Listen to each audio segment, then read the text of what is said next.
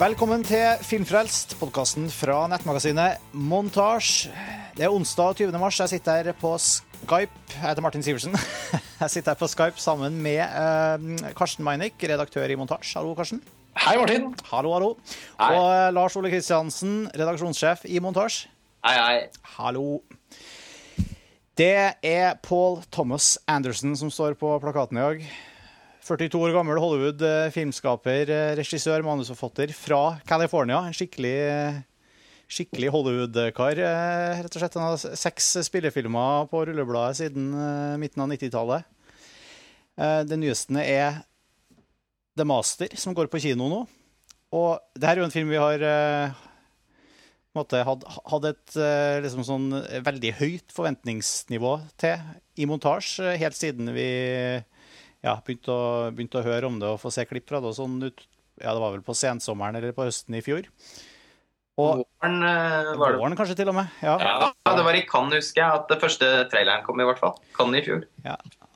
Og da, da ble det veldig sånn opplagt for alle at det her er jo en ny Paul Thomas Anderson-film er flagga som en av de her store begivenhetene. på en måte. Og det er jo kanskje et godt sted å begynne å, å prøve å liksom peke på hvorfor er det sånn. Hva er det med Paul Thomas Anderson som gjør at uh, når han kommer med en ny film, så er vi liksom så på hugget? Vi er så klar og så, uh, så ivrige etter å, å se. Hva er det som gjør at forventningene er så store til en PTA-film?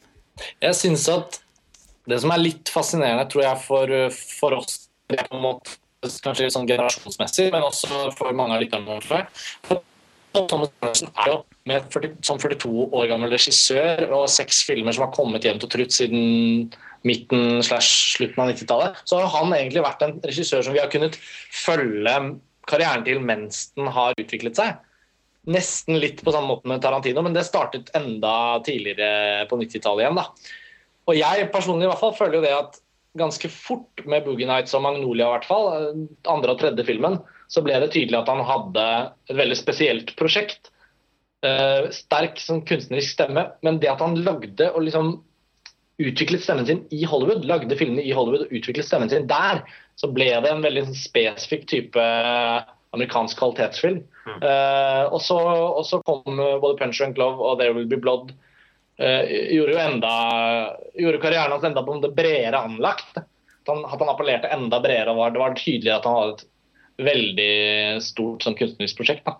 Så sakte, men sikkert så har jo de forventningene bare De har liksom bokstavelig talt blitt større for hver film han har laget. Ja, og det er morsomt når du sier at han er en av de filmskaperne vi liksom har kunnet følge hele karrieren til, til så å si da, mens vi har vært interessert i film. Eh, det er jo litt på samme måte med Christopher Nolan og Darren Aronofsky, egentlig. Og Wes Anderson. Og Wes Anderson. De er på en måte disse Litt sånn våre regissører. Ja, ja det er liksom disse kunst, veldig kunstnerisk uttalt kunstnerisk ambisiøse, ganske kompromissløse Hollywood-autørene da, eh, fra omtrent samme generasjon som vi har fått gleden av å følge. Og da får man også en, eh, en, en slags til, liksom personlig tilknytning til Man har veldig sterke minner om hver eneste film. Mm. Eh, Man blir det naturlig ganske høye forventninger ut av det. Ja. Av seg selv. Ja, altså det blir nesten også en, sånn, en sosial forventning. Altså sånn, eh, Man gleder seg til man gleder seg ikke bare til å se The Master, men også til, uh, og til å se den flere ganger, men til samtalene rundt den. Mm. Uh, uh, til å snakke om den i ja, egentlig sannsynligvis i årevis uh, framover. Fordi han er så betydelig som filmskaper at alt han gjør, blir interessant uansett. Det føles betydelig. Mm. Og så kan man eh, så det har det blitt pga. filmene. ja, Ja, det er det som er så han har aldri bra. laget en Nå har ikke jeg sett debutfilmen hans, da, som jeg vet at dere to har, Hard Date, men jeg har jo sett alle de andre, og stort sett eh, flere ganger. Og han er jo en av de eh, Han har jo aldri skuffet heller. Han har liksom aldri levert noe eh, noe slapt eller noe tankeløst eller Han, han har ikke engang egentlig levert en mellomfilm. Og han har heller ikke gjort noen filmer som tilhører et eller annet annet. Nei. Altså, han gjør sitt. Ja. Han gjør sine filmer. Mm. Og det tror jeg er ja, Det vi har kanskje vært innom nå, har vel vært litt av hovedårsakene, tenker jeg. Og så har han hatt en veldig stor variasjon også i filmene sine.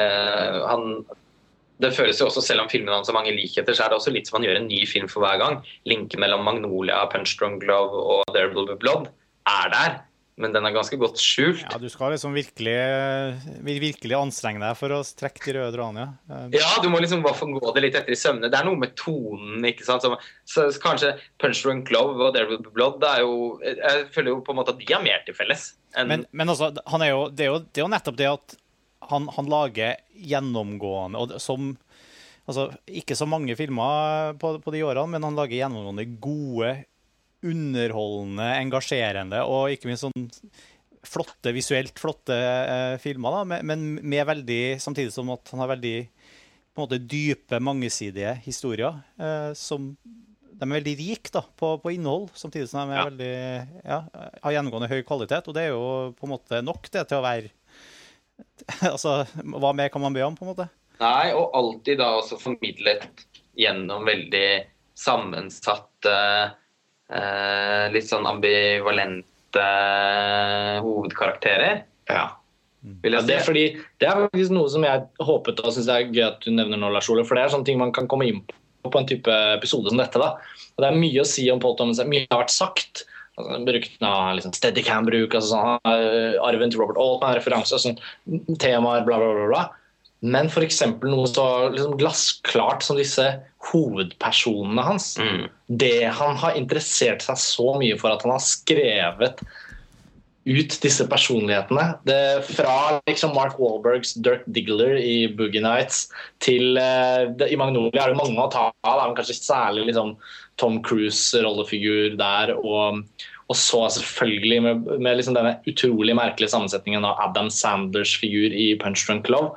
Og, og hva slags type karakter det egentlig er, hvis man går den filmen nærmere etter i sømmene. Og da selvfølgelig på en måte hittil da, hvis man, Det er vel ingen tvil om at på en måte, There Will Be Blood til nå er liksom det litt sånn uttalte mesterverket Mm. eh, blant mange helt fantastiske filmer. Ja, ja. Så er jo Daniel Plainview som karakter liksom helt eneste. Han er, han er rett og slett liksom blitt nesten en arketyp. Eh, ikke fordi det er så mange som er så like han, men fordi han er Tvert imot. altså Fordi han er så enestående Ja. som filmfigur. Sant? Han er en, en, en, han eh, er en referanse i Mm. seg selv. Å, herregud. Han var litt sånn Daniel Plainview-aktig. Uff, så fælt.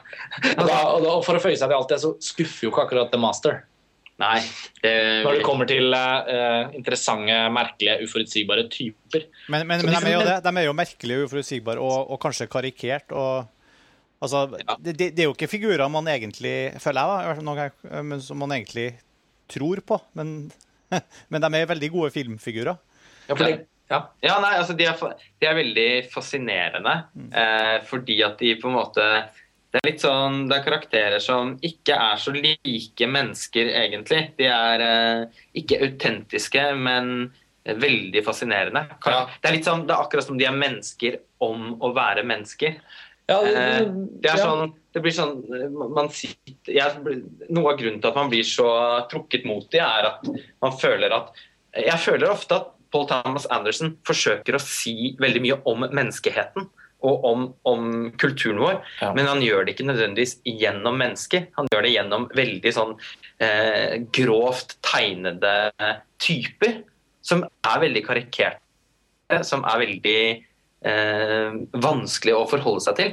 Men, Ja. men veldig fascinerende. Da. Der synes jeg han egentlig ganske altså, minner, Han minner ganske på en utrolig fin måte om om en side av Stanley Kubrick som Ja, regissør. Hvor, hvor, hvor man kan snakke kanskje Istedenfor at Paul Thomas Andersens menneske eller, eller rollefigurer da, er realistisk realistiske på et sånt uh, hverdagsplan, Mm. så er de, de, de, de portretterer eller de, de gir oss innsikt i en slags sånn psykologisk realisme, som er noe annet. liksom, at de, de hjelper oss til å forstå andre typer ting. Daniel Plainview er et fantastisk engasjerende, realistisk portrett av en type grådig eh, altså sånn grådighets eh, altså, eh, det, det er mange sånne temaer som egentlig ikke eh, appliseres til mennesker, men mer til samfunnet, Ja. som blir portrettert i menneskelig form i hans filmer. Og der eh, føler jeg arven til Kubrick, som, som jo er en, eh, en stor regissør for Paul Thomas Anderson også. Ja, det, Så, det, så han føyer seg til en sånn utrolig liksom fascinerende tungvektertradisjon.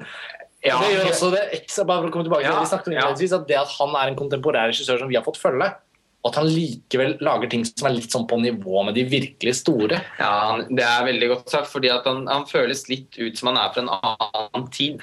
Eh, og eh, du, jeg synes det er interessant når du sier Kubrick, for, nevner Kubrick i forhold til karakteren hans. Da, fordi Hvis man tenker på eh, Alex DeLarge og Barry Lyndon og, og Jack Torrance og De er jo veldig typer på samme måte. De har en veldig stilisert, spille, altså en stilisert måte å spille på. Altså Bare ta Jack Torrance og Jack Nicholsons rolleprestasjon da i The Shining, Ja. og, og sette det litt ved siden av Daniel Plainview. Ja, ja. Det er ikke ueffent. Det er ikke ueffent. Og, og, og, ta, og, og um, Alex DeLarge i Clockwork Orange også, liksom. Han, han kan jo på sin måte nesten minne om uh, Joaquin Phoenix sin karakter i The Master. Og, og nevner jo Kubrick som en viktig regissør, og det er jo det er veldig tydelig for uh, jeg vil jo si at, Men det som er morsomt, da, er at han, Paul Thomas Anderson er jo blant de som er veldig åpen om referansene sine. Han snakker jo åpent om at han er veldig inspirert av et knippe filmskapere som han har en sterk til, eh, tilknytning til. Og, men jeg føler liksom at han har laget Det er morsomt. For, ti, for noen år siden så var veldig dette Altmann-stempelet som, som hang over han. Liksom, Magnolia er jo hans. ja, etset jo det litt inn. Da. Ja, men- så det er nesten så Paul Thomas Anderson må finne en vei vekk fra det. nesten. Ja, men samtidig så føler jeg egentlig at alle de filmene han har laget, uh, som jeg har sett, eh, er uh, egentlig representerer heller da hver sin regissør. Liksom Boogie Nights på en måte kanskje er Scorsese-filmen hans. Eh, og Magnolia er Altman-filmen hans. There Will Be Blood er Kubrick-filmen hans. Eh, The Master er Jonathan Demme-filmen hans. Ja. Eh, Punch Drunk Love er på en måte egentlig Paul Thomas Anderson-filmen. Ja, altså, vet Du hva, bare for, Du har ikke bedt om det, Martin, men jeg føler på Punch and Glove, eksempel. Hvis, jeg bare skulle, hvis du hadde spurt med hjertet mitt nå, liksom, så ville jeg tenkt at det er nok kanskje min personlige favoritt. Så ville jeg For jeg skulle nettopp til å spørre hva er det som er den personlige favoritten før I hvert fall før det. Ja, Du skulle til å spørre om det? Ja, ja. Ja, ok, da starter jeg. Jeg syns Punch Drunk Love Både fordi den er litt grann undervurdert, fordi den er liksom ikke stort anlagt nok til helt å være et mesterverk. Det er ikke en sånn type film. Det er ikke det man snakker om den som. Mm. Men den har et annet type hjerte, og den har en sånn lekenhet og, og, og altså, ryt, altså Den filmen har en rytme som starter fra første frame og slutter på siste frame, og aldri er feil, aldri er, og aldri er forutsigbar. Det er en helt spesiell film. Så for meg er det nok den personlige den på mange måter mest, eh, mest perfeksjonerte filmen hans. Den er, også så, eh, den er veldig sånn kondensert. da. Ja, den er vel sånn 95 minutter. Ja, ja, eller sånn. Eh, Den har jeg sett mange ganger. den rommer en sånn uro Ja. som eh, Og jeg har ikke sett den mange ganger, men den, den følelsen sitter fortsatt veldig sterkt i. Men min suverene favoritt det er jo Will Be Blood'. Og det er vel egentlig må vel innrømme at det er den eneste Paul Thomas Andersons-filmen som jeg har et, eh, et intenst forhold til.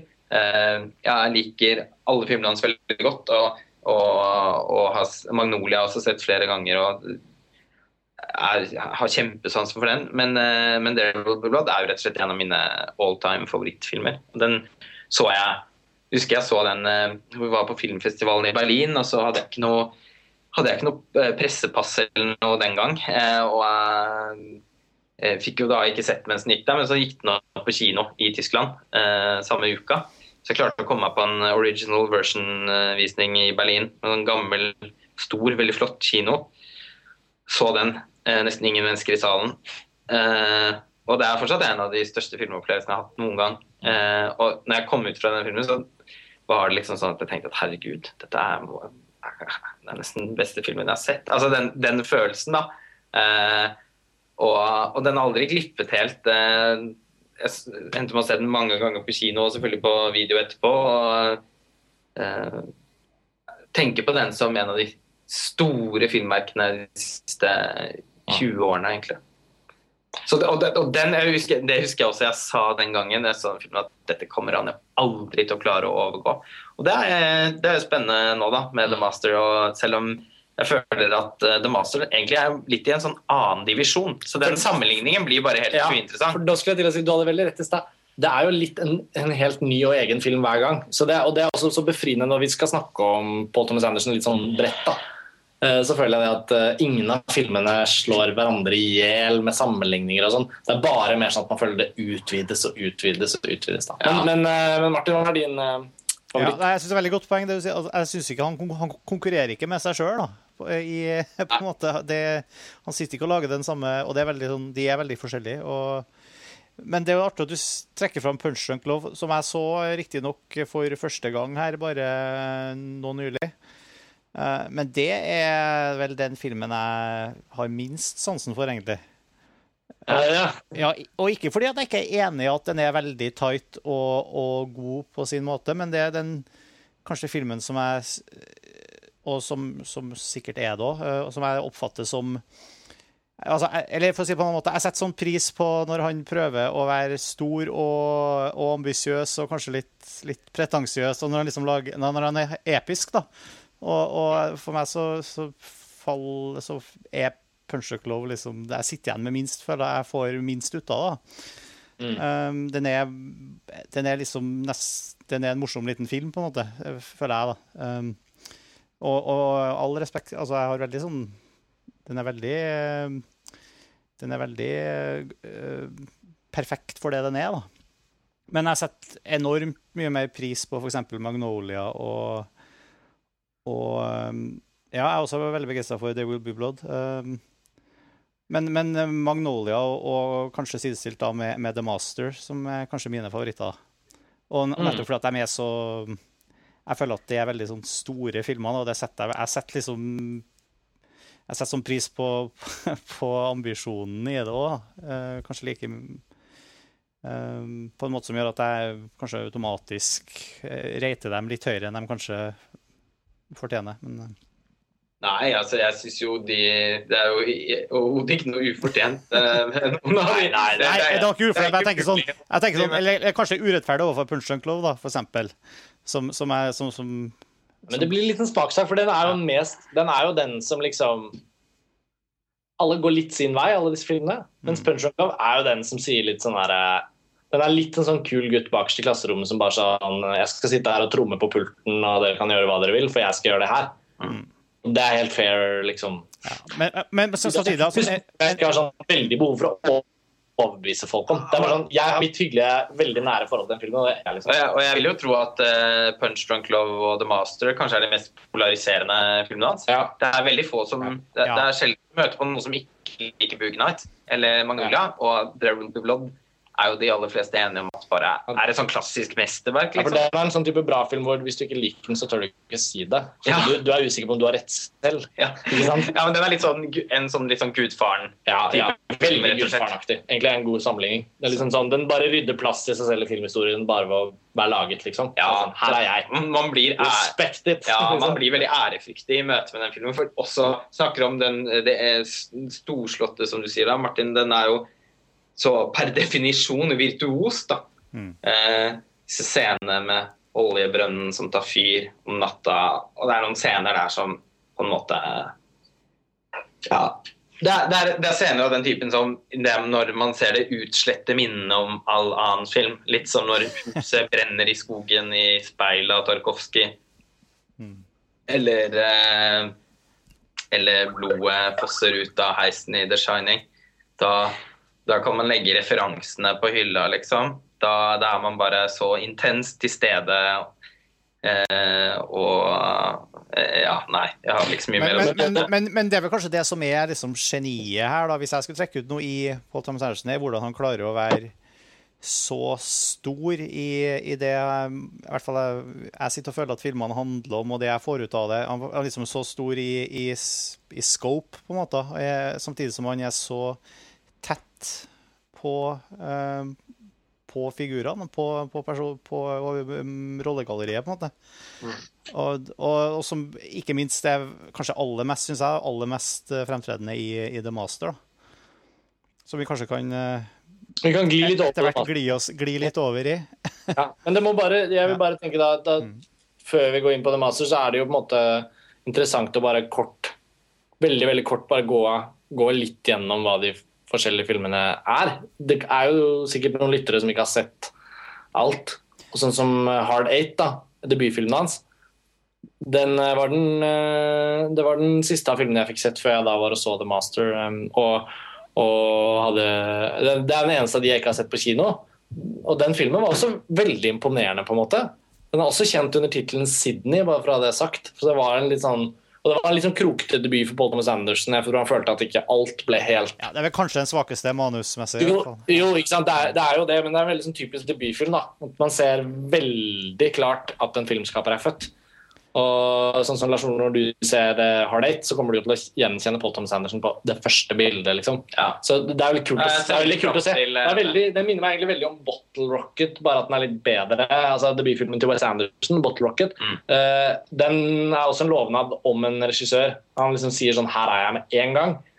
Men, eh, men som enkeltstående film så har den kanskje ikke så, så, så stor plass. Og, og, den er jo litt sånn, og den er litt sånn robbet for eh, visualiteten i Wes Andersons senere filmer. Det er jo Ja. ofte litt tilfelle med debutfilmer. Er det også gjeldende for Hard Eight? Jeg syns Hard er en film som, uh, som eh, viser oss at Paul Thomas Anderson har en usedvanlig modenhet når det gjelder å, å plassere kameraet og, og filmens blikk overfor rommene rollefigurene beveger seg i. Mm. Der er han helt på plass. Mm. Men det trenger han ikke så liksom, artikulert visualitet for å gjøre. sånn at det særpreget er lettere å ha der enn det Wes Anderson tydeligvis var ute etter, da, som krever liksom, et eller annet annet. Så det er veldig vanskelig å sammenligne de to, samtidig som de, er veldig, de har laget veldig parallelle karrierer. da, selv om Wes Anderson har laget Men jeg synes, eh, Det var noe av det jeg tenkte i stad du snakka om Punch and Clove, at det, er- det er den er jeg ser på, liksom ser på som den mest Wes Anderson-aktige filmen hans. av Paul Thomas Andersons filmer. Ja. Ja, Ja, Det er jo en sånn film jeg tenker Wes Anderson ha- hadde egentlig kanskje drømt å lage. ikke Fordi- sant? Med de her er en bildekomposisjonene og de sterke fargene og Ja, ja, ja. Og dette litt sånn uh, Mangel på et bedre ord. Da, dette litt sånn snurrige ved, ved rollefigurene og, og stemningen i filmen.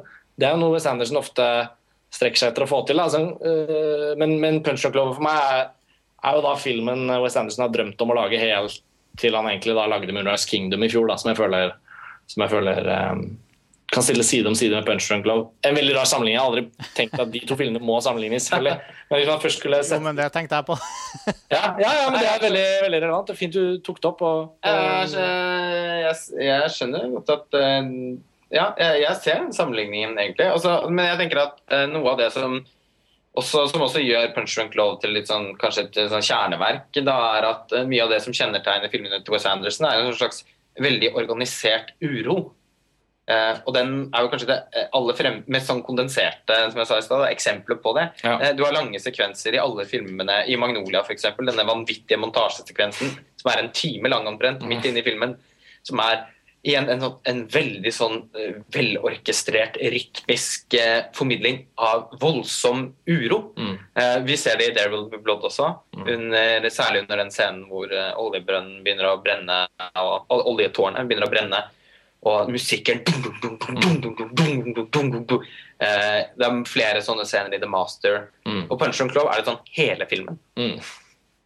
så det er jo kanskje det- det er som én sånn, en Ja. sekvens. Hvis man sier at uh, Hvis man kanskje sånn kan, kan uh, diskutere seg fram til å være noenlunde enig om at There Will Be Blood kanskje er liksom mesterverket hans, så, så er vel uh, Punch Drunk Love muligens liksom hovedverket. Det trenger jo ikke alltid være den samme tingen. Nei. Det, og og i seg selv, eh, Når man snakker om Paul Thomas Anderson, så føles det også så ubetydelig å Ja, kategorisere det på den måten. det var litt jeg skulle frem til også, at liksom, Det er- Det er egentlig bare deilig å snakke om hvor bra alle filmene er på hver sin måte. Mm. Og, og, og Boogie Nights, som vi har vært litt lite inne på nå, som jeg tok og kjørte et gjensyn med nylig i forbindelse med at vi skulle ta opp denne episoden, da. den er også bare sånn helt fantastisk herlig film.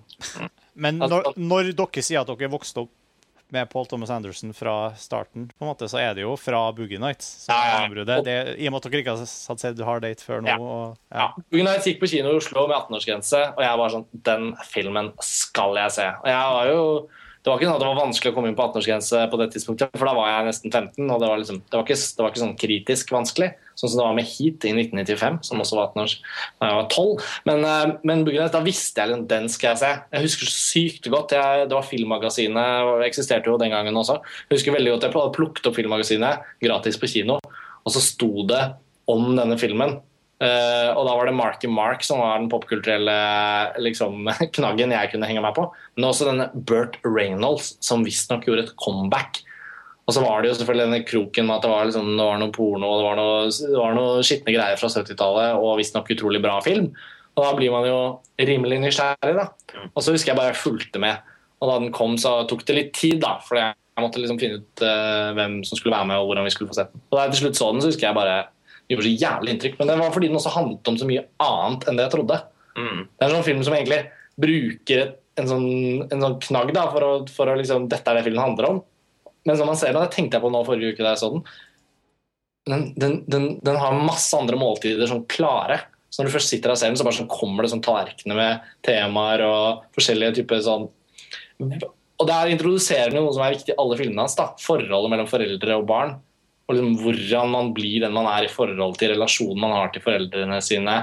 Hvordan det defineres av, av altså sånn, Her bruker han pornobransjen. liksom Alt det han pornoregissøren gjør med alle de som jobber for han, ved å skape en familietilhørighet. Mm. Og den rørende slutten hvor liksom Dirk Diggler er, er tilbake hos familien. Eh, og hans eget problematiske forhold til familie. Og så tar han den tematikken opp igjen i Magnolia. Og så eh, i Punch and Glow litt mer på siden, men altså disse søstrene til han hovedpersonen som er bare så Ja, ja, jævla nek, liksom. Men det er veldig sånn sympatisk skildret eh, hvor merkelig det er, og hvor, han, hvor mye det har preget han som rollefigur. Og så åpenbart i Devil uh, Blue Blood. Uh, en adoptivsønn altså liksom, og han broren eller han, hermetegn broren som dukker opp, Mm. og, og Daniel Plainview som faktisk åpner seg litt, og så bare skallet som lukker seg og blir bare iskald. Det er en forferdelig sekvens Ja, turen som de drar på sammen. ja, Når de ligger på stranda der. ja, ja. Å, fy og faen. Oh, og den fy baren etterpå. Det er en følelse av uhygge. Apropos uhygge og uro, jeg skulle til å si det. Så at, eh, når, Hvis vi er inne på litt det med tematikk òg, så er det jo noen sånne tråder da, som går eh, Og som jeg følte var mest etablert fra og med Boogie Nights. da. Mm. Og nå som jeg har sett Hard Eight og prøver å plassere inn den, så blir den mer da som en sånn debut. da. Mm. Men han, den er nok en film som jeg føler har en viktigere funksjon for å få i gang Paul Thomas Anderson, enn at man kan se at den har på en måte igangsatt hans tanker og ideer. Det føler jeg ikke. Så, den handler også om familie. Hæ? Den handler også på mange måter om familieforhold. gjør jo litt det. Det, er ikke, det, er ikke, det, det, det fins ting der òg, men jeg føler den, er, det blir litt, den blir litt mindre viktig, da. Rett og slett. Absolutt. Men, ja. men så kommer jo The Master, da. Hvis vi skal begynne å gå inn på ja, det. Og den er jo den, den føler jeg virkelig er en sånn uregjerlig ting i Paul Thomas Andersens filmografi. Og det er jo en av de fineste komplimentene jeg også har å si om filmen. Bare sånn for å starte et sted. Mm. Den er veldig ubestemmelig. Ja, og det, og det er jo veldig sånn Jo flere folk jeg snakker med, jo flere Jo mer og mer overraska blir jeg over å høre altså hvor, hvor forskjellig folk reagerer på den. I motsetning til nesten alle de andre filmene hvor enten folk syns det er gode filmer, eller ekstremt gode filmer. Ja. Mens det meste er det faktisk eh, godt mulig å mislike, for å si det sånn. Hvor, hvor, men jeg er nysgjerrig, Martin. Da, når- da, du, da du fikk sett den, eh, The Master Ja. Vi startet jo litt med det med forventninger. Hva, hvor, hvordan, gikk du den filmen i møte da? Liksom, hvor høye forventninger hadde du, eller hva var det du trodde egentlig Jeg hadde var? nok lavere forventninger enn en f.eks. dere. da, For, ikke, altså for meg så har ikke Paul Thomas Anderson vært liksom på en sånn eh, jeg, vet, jeg, han jeg har liksom ikke gleda meg like mye som Altså, du, har ikke, du har ikke dyrket det sånn? Nei, jeg har ikke dyrka på Thomas Anderson på samme måte. Ja. Jeg, hadde, jeg hadde også bare sett den ene teaseren som kom uh, Den første teaseren som kom, liksom med Phoenix på, på stranda. Ja. Um, og, og hadde egentlig et veldig sånn åpent og ikke Ja, jeg visste ikke hva jeg Jeg, visste, jeg hadde ingen anelse om hva slags film jeg skulle se. Så Nei, så da, jeg bare gikk inn i, den med, egentlig uten så veldig mange for, forventninger, og, og kom ut uh, veldig, veldig fornøyd. Altså. Jeg syns det var en uh, Jeg syns Master var Først og fremst var det en veldig eh, i, Igjen, da, så skulle jeg si som alle alle Paul Thomas Anderson-filmene er en veldig sånn rik film, da, synes jeg. Eh, Det er veldig underholdende. Jeg syns det var også et utrolig uh, godt skuespill. Uh, veldig sånn driv i filmen. Da. Eh, Selv om jeg syns Selv om jeg syns den hadde mer driv i første halvdel enn andre halvdel. Uh, eh, og jeg, syns også den fins veldig prega jeg, jeg følte at jeg kom enda tettere innpå. Det var, det var veldig sånn tett, på um, veldig mye close-ups og veldig mye nærbilder som, som ble, sto veldig heldig ut når det var så Når eh, rollebesetninga var så perfekt. da, altså Castinga var så, så glimrende, og, og, det, og det var så velspilt. Så ja. Ja, det, eh, det syns jeg er morsomt at du, at du bruker eh, eh, At du beskriver den som underholdende. Fordi Det syns jeg. Ja, ja men det er, det er morsomt å tenke på, fordi det er, det er ikke det første jeg ville tenkt eh, om filmen. Men samtidig skjønner jeg veldig hva du mener. Eh, den, men den er underholdende i den forstand at man eh, Man eh, tvinges hele tiden til å tenke på filmen, syns jeg. Mens, Ja, altså Den er jo så rik som jeg sier, på ideer og tematikk, og sånn, og da er det viktig at Eller da Ja. Ja, men samtidig så utgrunnelig at Mm. man Jeg følte hele tiden, og jeg har fortsatt bare fått sett den én gang, men jeg følte at jeg hele tiden satt jeg aktiv tilskuer da når jeg så den. Jeg følte at jeg hele tiden liksom forsøkte å komme med noe uh, At jeg, jeg følte at jeg måtte gi veldig mye til filmen på en positiv måte. Jeg liker ofte filmer som uh, ikke bare Som ikke bare stapper halsen min full av godsaker, men som også gjør at jeg selv er nødt til å gi noe til filmen. Den strekker ut en hånd, men hvis jeg ikke tar den imot, eh, så, blir det ikke noe film. Og den er litt der for meg. Eh, og jeg synes at opplevelsen av å se filmen følte jeg lignet mye på de problemstillingene som eh, karakterene forholder seg til i filmens handling. Når han Philip Seymour Holtmann sin mentorkarakter tvinger Joaquin Phoenix til å Eller tvinger. Eh, leder Joaquin Phoenix sin karakter til å gå fram og tilbake i dette rommet og føle på veggen og føle på vinduet, så var det litt sånn som jeg opplevde filmen også. Når han ber Joaquin Phoenix eh, si disse ordene igjen og igjen og igjen for, å, for at han til slutt skal glemme hva de betyr, eh, så er det også litt sånn jeg opplever filmen. Den er litt som å si tallerken, tallerken, tallerken, tallerken, tallerken, tallerken 30 ganger. og Til slutt så blir man nesten usikker på tallerken. Kan det virkelig bety denne platen som jeg plasserer maten min på? Uh, Du sitter liksom hele tida og prøver å knekke kodene. I, jo, men det er liksom ikke noe kode å knekke heller. Den er, den er så enkel og så, og så vanskelig på en gang. og derfor de som, Mange av de som ikke liker filmen, uh, avslår den jo litt som sånn, eh, typisk eksempel på sånn keiserens nye klær. At man legger veldig mye i noe som egentlig er tomt. Eh, jeg er veldig uenig i det, fordi at jeg syns at den heller inviterer til å eh, ja, den inviterer til å gå inn i noe. Man vet ikke helt hva det er man går inn i, men jeg ble veldig beveget av det. Eh, Jeg gikk veldig inn i filmen og fikk mye ut av det. Jeg føler at det er en film om veldig mange ting. Jeg syns at det er en film om Det er en film om å fornekte døden. Det er en film om å ikke akseptere livet sånn som det er, og prøve å heve opp livet til noe mer enn det det egentlig er. Det er en film om, eh, om, om å tro. Det er også en film om å, å fornekte eh, å fornekte tro. Uh, det er en film om å fornekte idioten, og ikke akseptere at enkelte mennesker ikke har så mye eh, så mye i seg man skulle like å tro. Det er litt som den velmenende pedagogen som går inn i et klasserom og skal forsøke å eh, få den, den, den svakest stilte til å, til å gå triumferende ut av klasserommet når tredje året er over, men som egentlig ikke får det til fordi det ikke lar seg gjøre. Eh, han er, er determinert eh, på en måte. Det er- gjelder kanskje også for Joaquin Phoenix sin karakter. Nå bare tenker jeg helt løst. Eh, Men det, og, det er, og, og, og jeg kan ikke stå for noe av det jeg sier, og sånn er filmen, føler jeg. ja, for det, og jeg synes det at noe av det du er inne på nå, selv om ikke noe av det du sier, er ikke ting jeg har tenkt på, f.eks. Og sikkert det samme med deg, Martin. At det Ja, jeg, er, hadde, jeg hadde helt andre ting. Men det, er den er jo så rik Ja, at jeg, satt, jeg, jeg altså- fikk andre ting ut av det enn Lars Ole fikk. da, liksom, og, ja. jo, men ikke sant, det illustrerer jo filmen. Det er en film hvor tre mennesker kan gå ut og egentlig føle at den handlet om tre vidt forskjellige ting.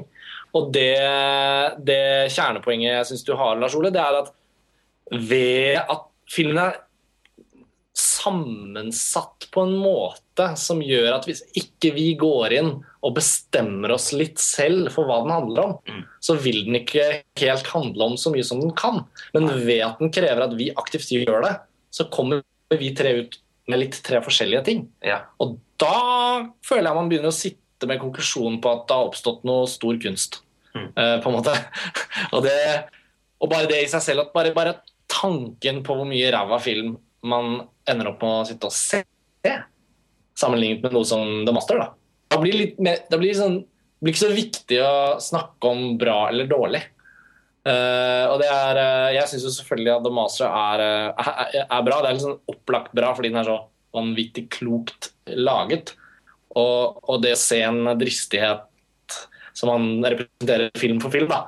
At han vil ta den der isskjeen og grave seg ut en ny det, det, skal være mulig å lage en film sånn som dette. Men jeg vil bare kort si noe om at Joaquin Phoenix' rollefigur eh, representerer jo dette rep repetative ordet som du illustrerer av tallerken, tallerken, tallerken. Han er jo egentlig den følelsen.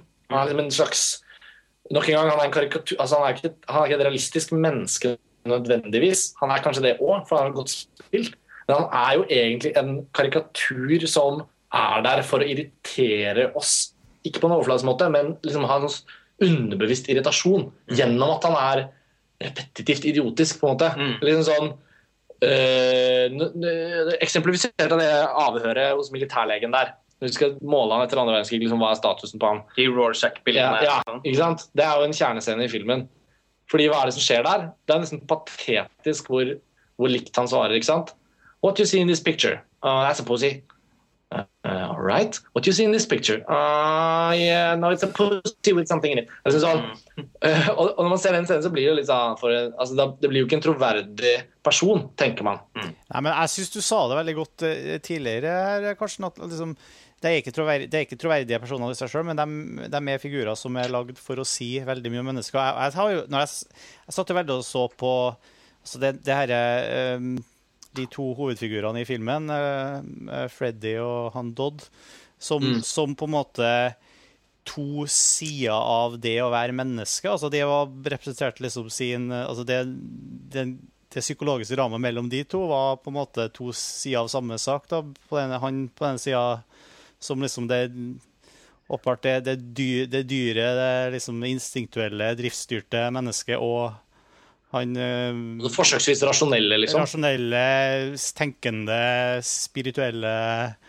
uh, opp, opphøyde mennesker, på en måte. Ja. Og, og at, at, de var på en måte to sider av samme figur, da, følte jeg. på en ja, måte. Ja, men samtidig fordi begge også er preget av en veldig sånn uh, de har veldig mye motstridende i seg, begge ja. to. Det er veldig paradoksale karakterer. Som du sier, han er on, en veldig on, han, han Philip Sanor Hoffmann sin sånn mentorkarakter. Ja, han er veldig rasjonell, men samtidig åndelig. Ja, som er spirituell og søkende oppad. Bare i konflikt med hverandre. Ja. Og så er de et veldig interessant på en måte par i filmen nå. Nettopp fordi at Philip Seymour Hoffmans ja, i hermetegn da, The Master, han, han projiserer jo uh, rasjonalitet. Han snakker om sin egen rasjonalitet. Men det vi ser under overflaten av det som kommer og bobler opp av og til, er jo nettopp det dyrisk irrasjonelle. Ja, ikke sant? De kan ikke fornekte det, og de er jo tiltrukket av hverandre. ikke sant? ja, nettopp. ikke sant? Man prøver å argumentere på den derre eh, sosietetsleilighetsfesten, og til slutt bare bryter ut 'you pig fuck'! liksom. Mm, mm. Så våkner jo det dyret han kanskje egentlig har i seg. Mens paradoksalt nok så føler jeg jo at Joaquin Phoenix' eh, rollefigur går rundt og er kontinuerlig dyrisk men griper an sine, sine, dyriske drifter med en rasjonalitet. Ja, for det er, det er akkurat det jeg tenker også. Ja. At han er jo et, Han tenker seg om, liksom. Ja. Skal jeg lage sprit for disse folka som ber om det? Hmm. Ja. Jo, det har vært digg med litt sprit. Jeg har også lyst på litt. Han, han, er, det. Ja, for han er jo eh, han er usivilisert, eh, men han er rasjonell. Han er jo mye mer rasjonell enn en, en, en, Philip Samuel Hoffmann sin karakter. Mm. Han er som du sier, han, han er dyrisk. Eh, men er også Han lever jo et enkelt, ukomplisert liv eh, som er basert på instinkter og basert på egentlig veldig sånn Ja, en sånn slags enkle, men rasjonell, små rasjonelle eh, handlinger hele veien. da, ja, Nå har jeg lyst til å ligge med noen, ja, da gjør jeg det. Mm. Nå har jeg lyst til å drikke meg full, å, da gjør jeg det. Mm. Nå utsetter jeg meg for fare, ja, men det aksepterer jeg fordi at jeg egentlig ikke har noe større eh, vyer om livet mitt enn at det bare mm. har begynt en gang og kommer til å ende en gang. Mens denne andre eh, mentoren som han møter, forsøker jo å liksom sivilisere og dyret. Eh, og, og i det prosjektet så ligger det en selvransakelse. Fordi at han innerst inne også sannsynligvis vet at han selv eh, Denne eh, denne slags inderlige troen på at alt betyr noe mer, er jo noe han som Jeg føler at filmen ganske tydelig avslører at han egentlig ikke tror på. Mm. Eh, når, når, Laura Dern eh, kommer bort han og, og, og skrukker på nesa over at han har forandret veldig mange av prinsippene i denne boka si, så, så blir han veldig forstyrra og aggressiv. og det handler jo veldig mye om at han det viser seg gjennom filmen han er i utgangspunktet et veldig prinsippløst menneske. Det prinsippfaste mennesket er jo Joaquin Phoenix. Det er enkle prinsipper, mm. men det er prinsipper. Eh, så, eh, så, så, på en måte så ender det med at uh, Philip Samor Hoffmann er dyret. Og, og, og, han Joachim Joaquin Phoenix er Det er nesten så at han er i, større, uh, er i sterkere stand til å overskride livet sitt på sin måte, på sine premisser. Mm. Ja, bare det å snakke om det liksom hever jo The Master også opp enda et ekstra hakk. Ja, har, har, har, dere lest den um, Har dere lest noe Herman Hesse? Ah, unnskyld, hva sa du? Herman Hesse. Nei. Nei, Nei, okay. Nei for jeg, jeg syns det var mye av historien her som minna veldig mye om en bok kan jeg skrive som heter 'Narsiss og Gullmunn'. Som Jeg trenger ikke å gå, gå, så mye inn på det hvis dere ikke har lest det. Men det var, hvor jeg liksom kjenner igjen de samme, de samme figurene. Nettopp de, de samme de, som er sine ekstremer på en måte på hver sin ende, men som, ja. som er, har den her dragninga og det gjensidige avhengighetsforholdet til hverandre likevel, da, og som ikke klarer å, å undertrykke de her sidene ved seg sjøl. For det ligger jo en sånn fortellertradisjon i det å skape interessante speilinger mellom to, to mennesker i en fortelling. Jeg syns jo Paul Thomas Anderson også på en sånn litt sånn måte føyer seg inn i en slags sånn uh, Nesten også litt i en sånn leirbåltradisjon. til liksom back in the day, da vi satt der og fortalte hverandre historier, som også hadde en pedagogisk rolle for menneskene mens man bygde sine sivilisasjoner og fant ut av hvem han var. og alt det der. Fordi han, han er dristig nok til å tørre å alltid ville ta tak i noen liksom dype, store spørsmål. Men han har jo også hatt uh, et motiv gjennom flere filmer med rollefigurer som speiler hverandre. Da. Det syns jeg er, eh, det er egentlig noe man ser Uh, også i There Will Be Blood med Daniel Plainview og Eli Sunday. Som, som har ja, ja. egentlig parallellskjebner som er veldig interessante å se på. Også dette med prinsipper og ikke-prinsipper. Ja, de, de, er også veldig like og veldig paradoksale på en gang. Plainview det er veldig mye av det samme. Den griske kapitalisten mot uh, den, den, den sterkt troende presten, som viser seg å være egentlig to sider av samme sak. Og i, og i, Magnolia, som er en film uh, som er konstruert rundt prinsippet om å ha veldig mange rollefigurer, der er det jo også noen veldig sånn naturlige, naturlige speilinger som er nesten så overtydelige når man først setter fingeren på dem, men som hjelper filmen å være det den er. da. Som er det med dette quiz-showet for barn som et sentrum. Disse barnestjernene som har vært der for å svare på spørsmål, for å skaffe penger til sin far og to eldre menn, som han ene sjefen for TV-kanalen og han som leder det quizshowet, begge har problematiske forhold til sine barn på hver sin kant. Og Tom Cruise-karakter, også hun kokainavhengige dama som får det forholdet til John C. Mm. Riley. Jeg husker ikke navnet hennes. Men ikke sant? At det er liksom sånn og, og det at filmens tittel, denne blomsten som bretter seg altså sånn, Bladene som alle hører til én altså sånn, Det er noen sånn veldig flotte um, mm konstruksjoner da, som, som, jeg føler ligger særlig veldig mye i Paul Thomas Anderson som manusfatter. Rett, altså, sånn, rett og slett som, som hodet bak disse filmkonstruksjonene. Mm. Altså, i tillegg er en glitrende regissør og stor visualist. og Alt det der kommer i tillegg. Ja, ja.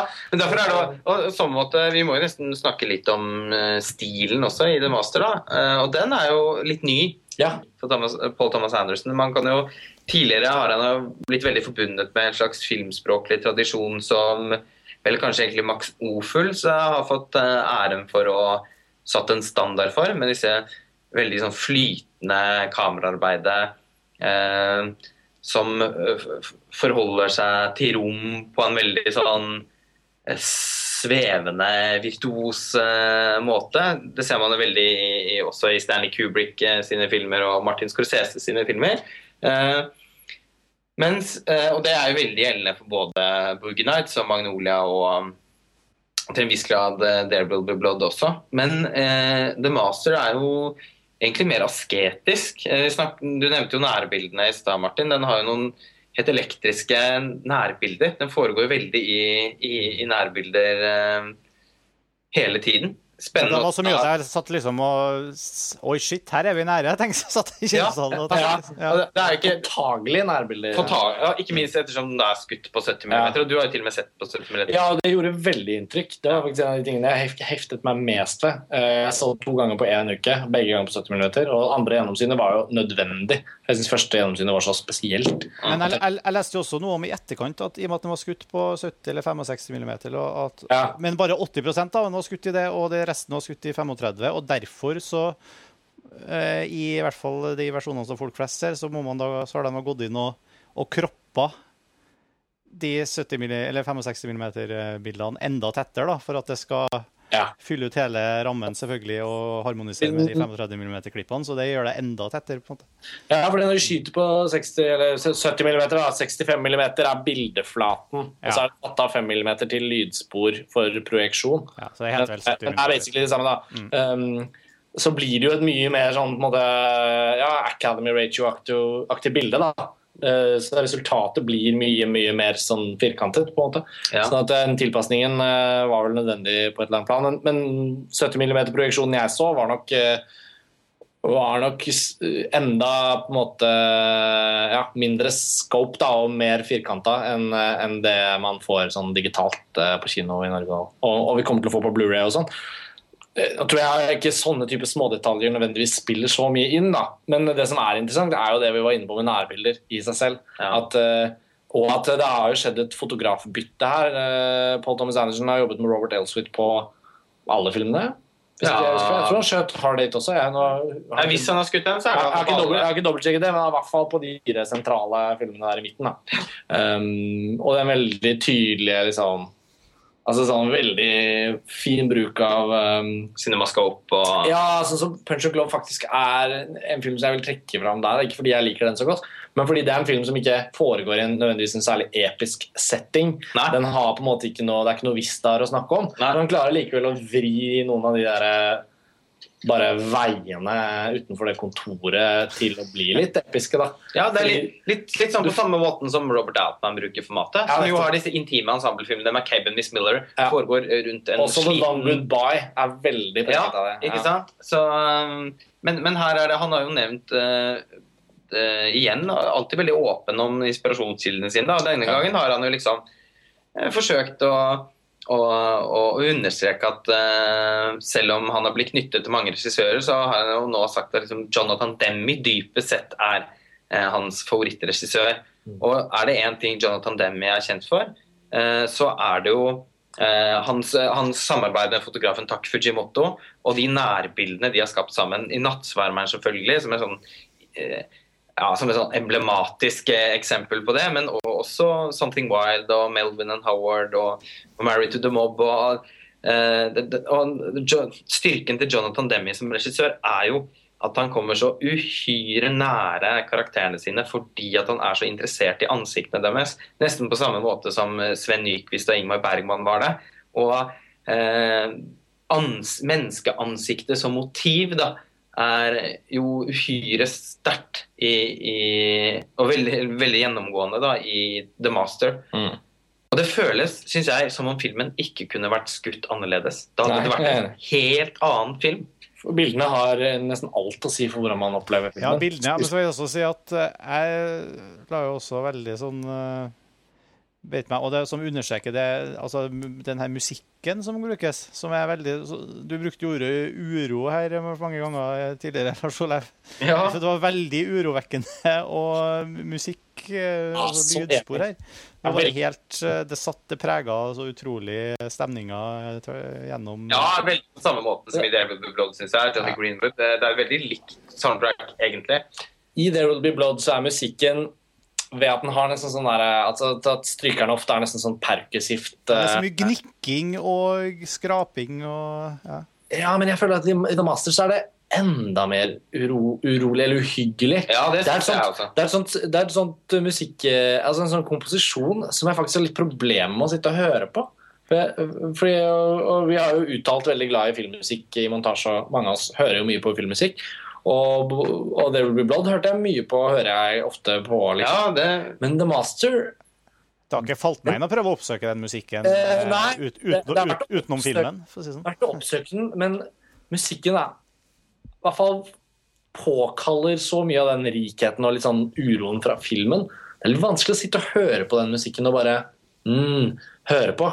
Man, Man kommer er- litt i, tilbake i filmens stemning, og så, det, kommer de bildene som sånne flash på hukommelsen. Og så, og så er det bare sånn Nei, nei. Ja, Enten er- ser jeg denne filmen, eller så hører jeg ikke Jeg opplever det veldig på samme måten. Det var liksom et soundtrack som jeg kjøpte på CD og har hørt masse på. Men, eh, og det, har prøvd, hører det er ikke en kritikk av, av Nei, nei, musikken, selvfølgelig. overhodet ikke. Men uh, musikk er jo hovedsakelig Det viktigste er at det fungerer i filmen. Uh, men eh, jeg har også forsøkt å høre en, del, en del ganger på The Master soundtracket på Spotify og ender med å slå det av.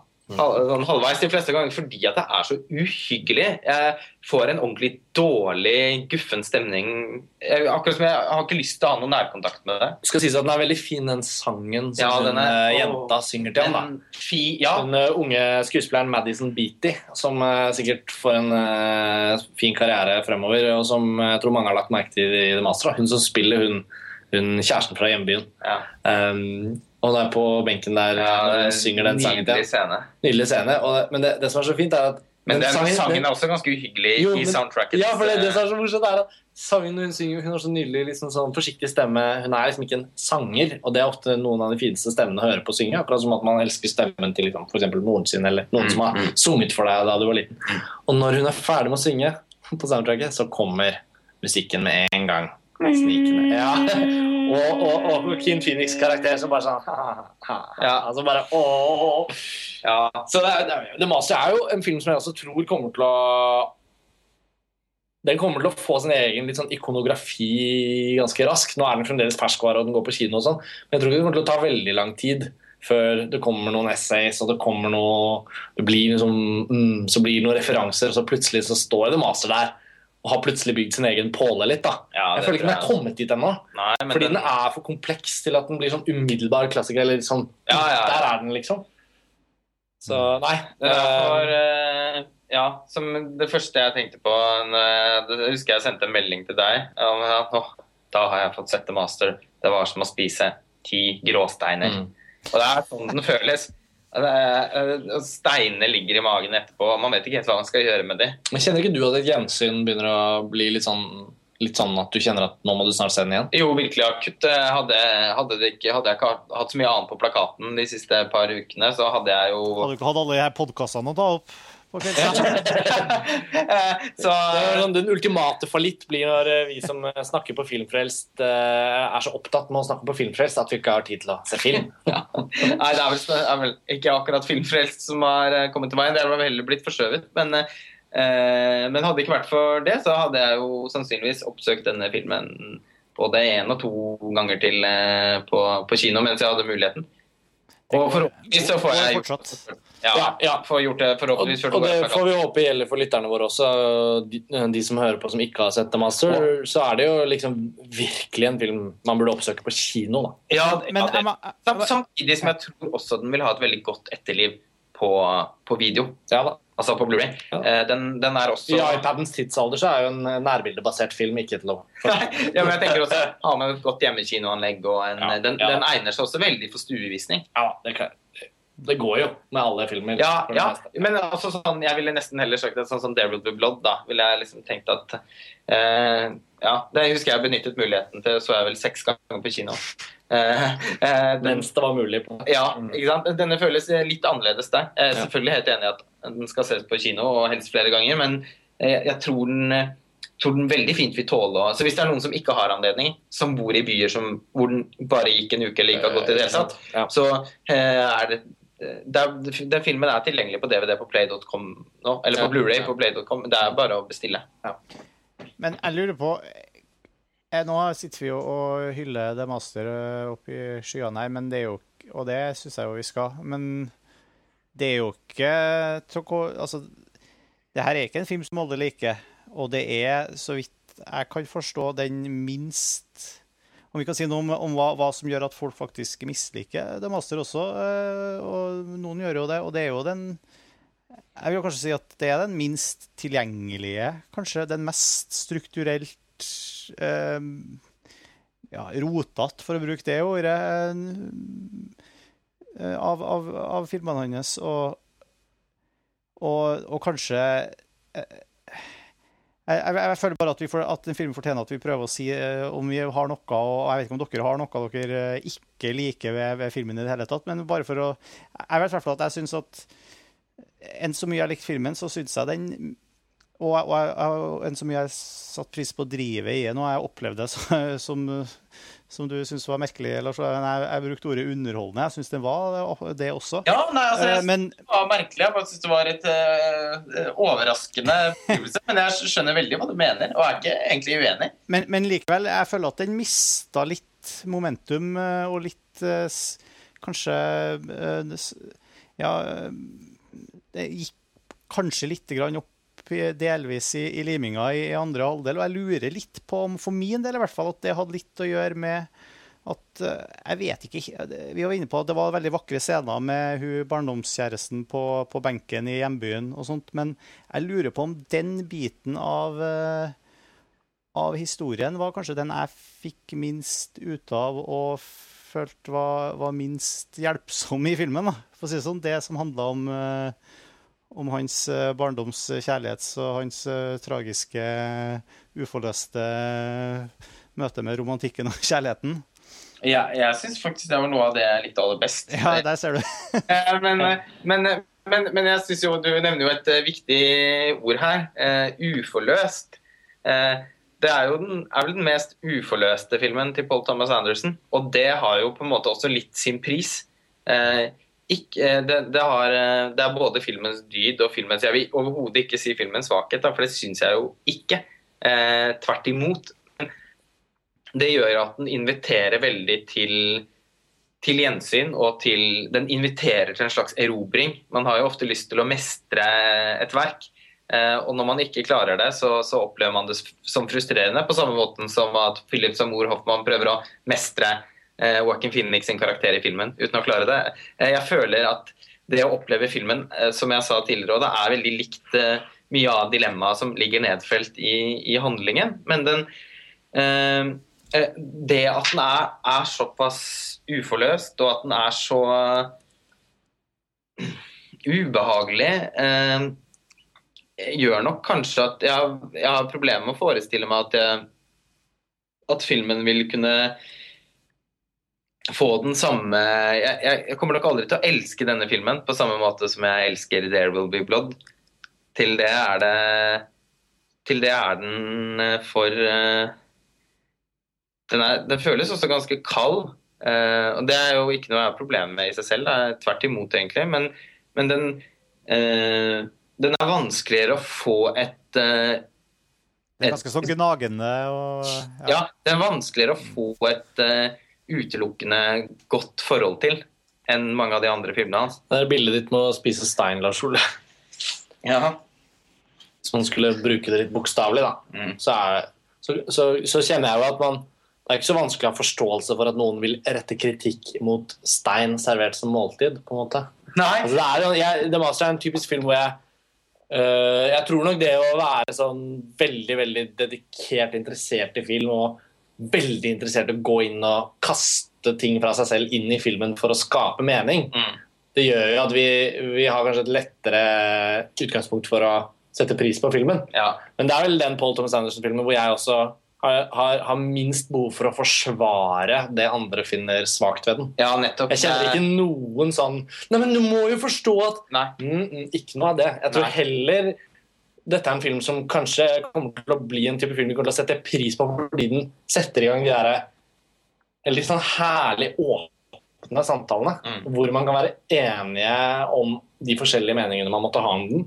Og, og kanskje, vi snakker litt om denne gjensynsverdien, det er ikke umulig også at The Master er en film som, som blir bedre med et par av de første visningene, men som også kanskje over tid skifter helt. Jeg tror det er en film som man kommer til å ha opp forskjellige opplevelser av i forhold til alder, i forhold til, altså sånn, det er en veldig sånn film som, som er, Det er så avhengig av hva det, man har med seg inn Og det er vanskelig å vurdere nå om den også på et eller annet tidspunkt stagnerer litt. da.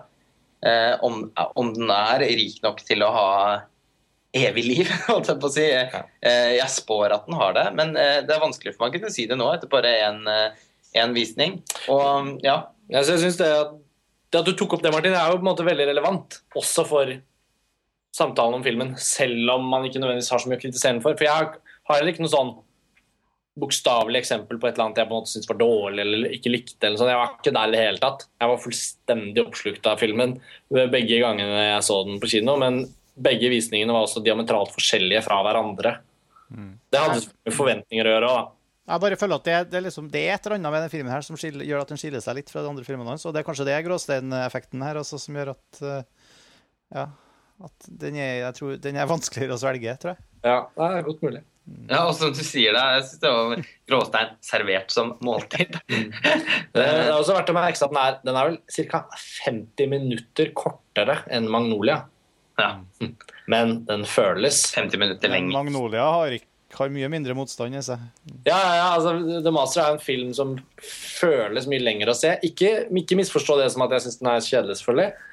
Men, men at den bare, det bare føles så seig. Mm. Fordi det den handler om, er ganske seigt. Ja. Og portrettet filmen leter etter, er seigt å finne. Mm. Fordi det lar seg ikke finne så lett. Mens f.eks. Magnolia, eller særlig Punch and Club, men den er jo kort i tillegg, da er jo konstruert mer sånn symfonisk. Det ja. går opp, det er meningen, det har en rytme. Du skal bare være med. Og da gjør det ikke noe at den er tre timer lang. Nei, de, kan, jeg syns uh, i aller høyeste grad at Master er en uh, suggererende film. Men den er ikke suggererende på den samme måten som de andre filmene hans. Den har et helt annet lynne, uh, som er vanskeligere å bli venn med, men, men samtidig veldig enkelt å bli oppslukt av og, og, og, trukket mot, men på en annen måte. og There Will Be Blood også var jo liksom Det er mange som også syns at det i hovedsakelig er en ubehagelig, merkelig film som, som, som, de kan beundre, men har problemer med å elske. Men eh, ikke for å dra Ja, eller ikke for å dra, så jeg gjør det jo, så Hvis vi skal bruke disse matmetaforene litt mer, da, så Eh, et av de mer berømte måltidene i filmhistorien er vel den, de bløtkakestykkene som blir servert i Zalo, som har spiker bakt inn i seg. Og Devil er jo litt mer der. Det er mange spikere der som, blø, som, gjør at du begynner å blø litt, men det er samtidig en bløtkakefilm også. Fordi den er så mye film, og den så Den appellerer liksom til så mange av de tingene som man som cineast eh, er flasket opp til å elske. Men igjen, eh, The Master er det er en, en, en, different kind of beast. Ja, det er veldig sant. Jeg merker jo på en måte bare det å snakke om den nå i en relativt på en måte innholdsrik uh, filmfestepisode, føles også som å bare begynne samtalen om The Master. Ja. Det er ikke alle filmer man kan si det om heller, men det er en sånn film jeg er så overbevist om at man, man bare på en måte kan Den vil bare den vil veldig sånn finne sin egen plassering på en eller annen merkelig måte. Og det er jo, vi må litt på sin egen tur. Ja, men så sa vi det jo også innledningsvis. da, Er ikke det egentlig Paul Thomas Anderson litt gjør med hver av de filmene han lager? Nå har det gått en stund mellom hver film, men liksom Punch Drunk Love, There Will Be Blood, The Master De tre, liksom, på rad, er ganske corny. De, de tilhører jo hvert sitt hjørne, samtidig som de er umiskjennelige Paul Thomas Anderson-filmer, alle tre. Mm. Det er jo det er, Ja, nei. Jeg syns, eh, jeg syns liksom summa summarum at noe av det vi diskuterer, er jo egentlig bare Paul Thomas Andersens mesterskap, da. Ja. Mm. The master. Ja, nå har jo Nå vil jo eh, IMDb og andre sikre kilder til kunnskap eh, ha det til at vi får en ny Paul Thomas Andersens film neste år òg. Ja, altså Den Paul Thomas Andersons fansiden, spesialsiden Cigarettes and Red Wines, den, den har tracka utviklingen og manusprosessen på Inherent Vice eh, eh, ganske tett. Og det, alt tilsier at innspillingen faktisk kommer til å starte i april. Så, og Ryktene sier at Joaquin Phoenix sparer til sånn 70-talls eh, hår og skjegg. Eh, og Paul Thomas Andersen har jo selv uttalt at han har kommet veldig langt på manuset, som er en adaptasjon av Hva heter han forfatteren uh, igjen? Uh, Thomas Pynchon, er det det? Nei. Thomas Pynchon, ja. Ny, ny, bok. Ja, rimelig ny. Jeg har ikke lest den, eh, men jeg skjønte sånn at den foregår. Bok. Ja. Og nå som han skal filmatisere den, så har ikke jeg lyst til å Jeg er helt overbevist om at filmen blir bedre enn boka. Filmen foregår selvfølgelig i LA og Vegas. Ja, ikke sant? Ja, nei, det er velkjent. ja, det er bare herlig å tenke på at han gjør en ny film faktisk ganske fort, da. Ja, for det var lang ventetid mellom Devil Blood og The Master. Og Punch Love og Be Blood var jo også fort, eh, gikk jo fort fem år der. Så, så, så langt? ja, jeg tror uh, Ja, Punch Love er 2002. ja. 2002, Ja, jo. Så, eh, men, eh, men There Blood var jo 2007, da. Mm. Så skulle jo The Master skytes tidligere, men eh, Universal trakk seg i siste sekund. Mm. Og så ble jo The Master finansiert av hun eh, godeste Megan eh, Megan Ellison, da, den eh, unge milliardærdatteren som har bestemt seg for å bare finansiere dritbra film. Og nå eh, vil jo sannsynligvis da Inherent Vice eh, komme opp og stå ganske fort. da. Så det er jo bare veldig veldig gledelig. Det er det. Uh, vi må vel nesten runde av Ja, vi må det. snart. Ja, nei, altså, jeg, bare, for jeg, for jeg, jeg er helt enig, men jeg bare tenker at enig. avslutningsvis så er det jo interessant Jeg sa det jo i stad, uh, basically. At uh, alle disse samtalene om Paul Osmund Andersen som han har, og som vi nå er på Filmfrelst, men som vi også har til vanlig, og hver og en av filmene, de, de påkaller egentlig bare ytterligere samtaler. Mm. Det er noe typisk sånn endeløs eh, filmskaper å snakke om, og det er kanskje et av de bedre komplimentene vi kan gi han. Ja. Med tanke på at han egentlig bare er i gang. da. Mm. Hvis han får en sånn Manuel de Oliveira-aktig karriere, så skal han lage film i 60 år til. på en måte. ja, det er ganske utrolig å tenke på. Ja, men han er liksom bare halvveis i, i karrieren sin, og, eh, og, og såpass Den har liksom både vært så, så konsekvent, men samtidig slynget seg i såpass mange retninger at det blir veldig spennende å se. Eh, oversiktsbildet blir jo litt større for hver gang han lager en film, og The Master har virkelig bidratt til å forstørre det. da. Og jeg ser han er jo en sånn Jeg ser- jeg satt og leste uh, Wikipedia-bioen hans. Jeg liksom, han, er sånn, han har aldri gjort noe annet enn å lage film. Vokste opp med liksom, for, foreldre i, i showbiz. I, Ja. Født i Studio City. liksom, Ja, ja, ja. Han er jo skikkelig et barn av Hollywood. liksom bare født, født til å lage film. Mm. Ja, ja, men det at han har da klart å skape seg et virkelig altså sånn, Han har liksom kløyvd ut et reelt kunstnerskap innenfor rammene av Hollywood. da. Han er jo et av de beste eksemplene når folk trasher Hollywood og, og liksom baksnakker amerikansk film som om det er liksom djevelen selv. Mm. Så er det så utrolig viktig å huske på at innimellom de svære ræva produksjonene som vi alle kjenner til og, og, og, og glemmer så fort man har sett dem, så fins det jo faktisk noen helt spesielle filmkunstnere som er enestående i verden, som, som nettopp tar i bruk det systemet for å kunne gjøre det de gjør. Mm. Og da er jo Paul Thomas Anderson, Quentin Tarantino, noe- David Fincher, noen av de vi har snakket om. Um, de er enestående, og de må også tas vare på, på en måte. Jepp. Vi skal følge med, i hvert fall. Eh, Vi skal også runde av nå. Jeg, vi har jo snakka om det, Karsten. Jeg har et hemmelig håp om at uh, kanskje neste episode skal handle om uh, Cloud Atlas. Ja, den synes jeg Det har vært kjempespennende å diskutere. og Det er ikke um- umulig at vi burde ha med Lars Olav, for jeg tror ikke han er helt enig med deg og meg. Nei, det er veldig fint å ha med noen som ikke er og har litt uenighet. Så, Ja, Det var Det er en krangleepisode. Ikke begynn da, når vi sparer det til neste episode. pølsevev. Ja, ikke sant? Det er en polariserende film, så Jeg er veldig pro eh, Cloud Atlas-episode. jeg tror vi skal inngå en pakt nå om at vi gjør det. Ja, da har vi lovet lytterne det. Akkurat som vi har lovet dem en Tarkovskij-episode. Det er bare tre år siden. Ja, ja, den kommer om kun få år. Flott. Yes. Takk for i kveld, folkens. Takk for i kveld. Vi høres om et par uker. Det gjør vi. Ha det. Ha det bra. God påske. God God påske. påske.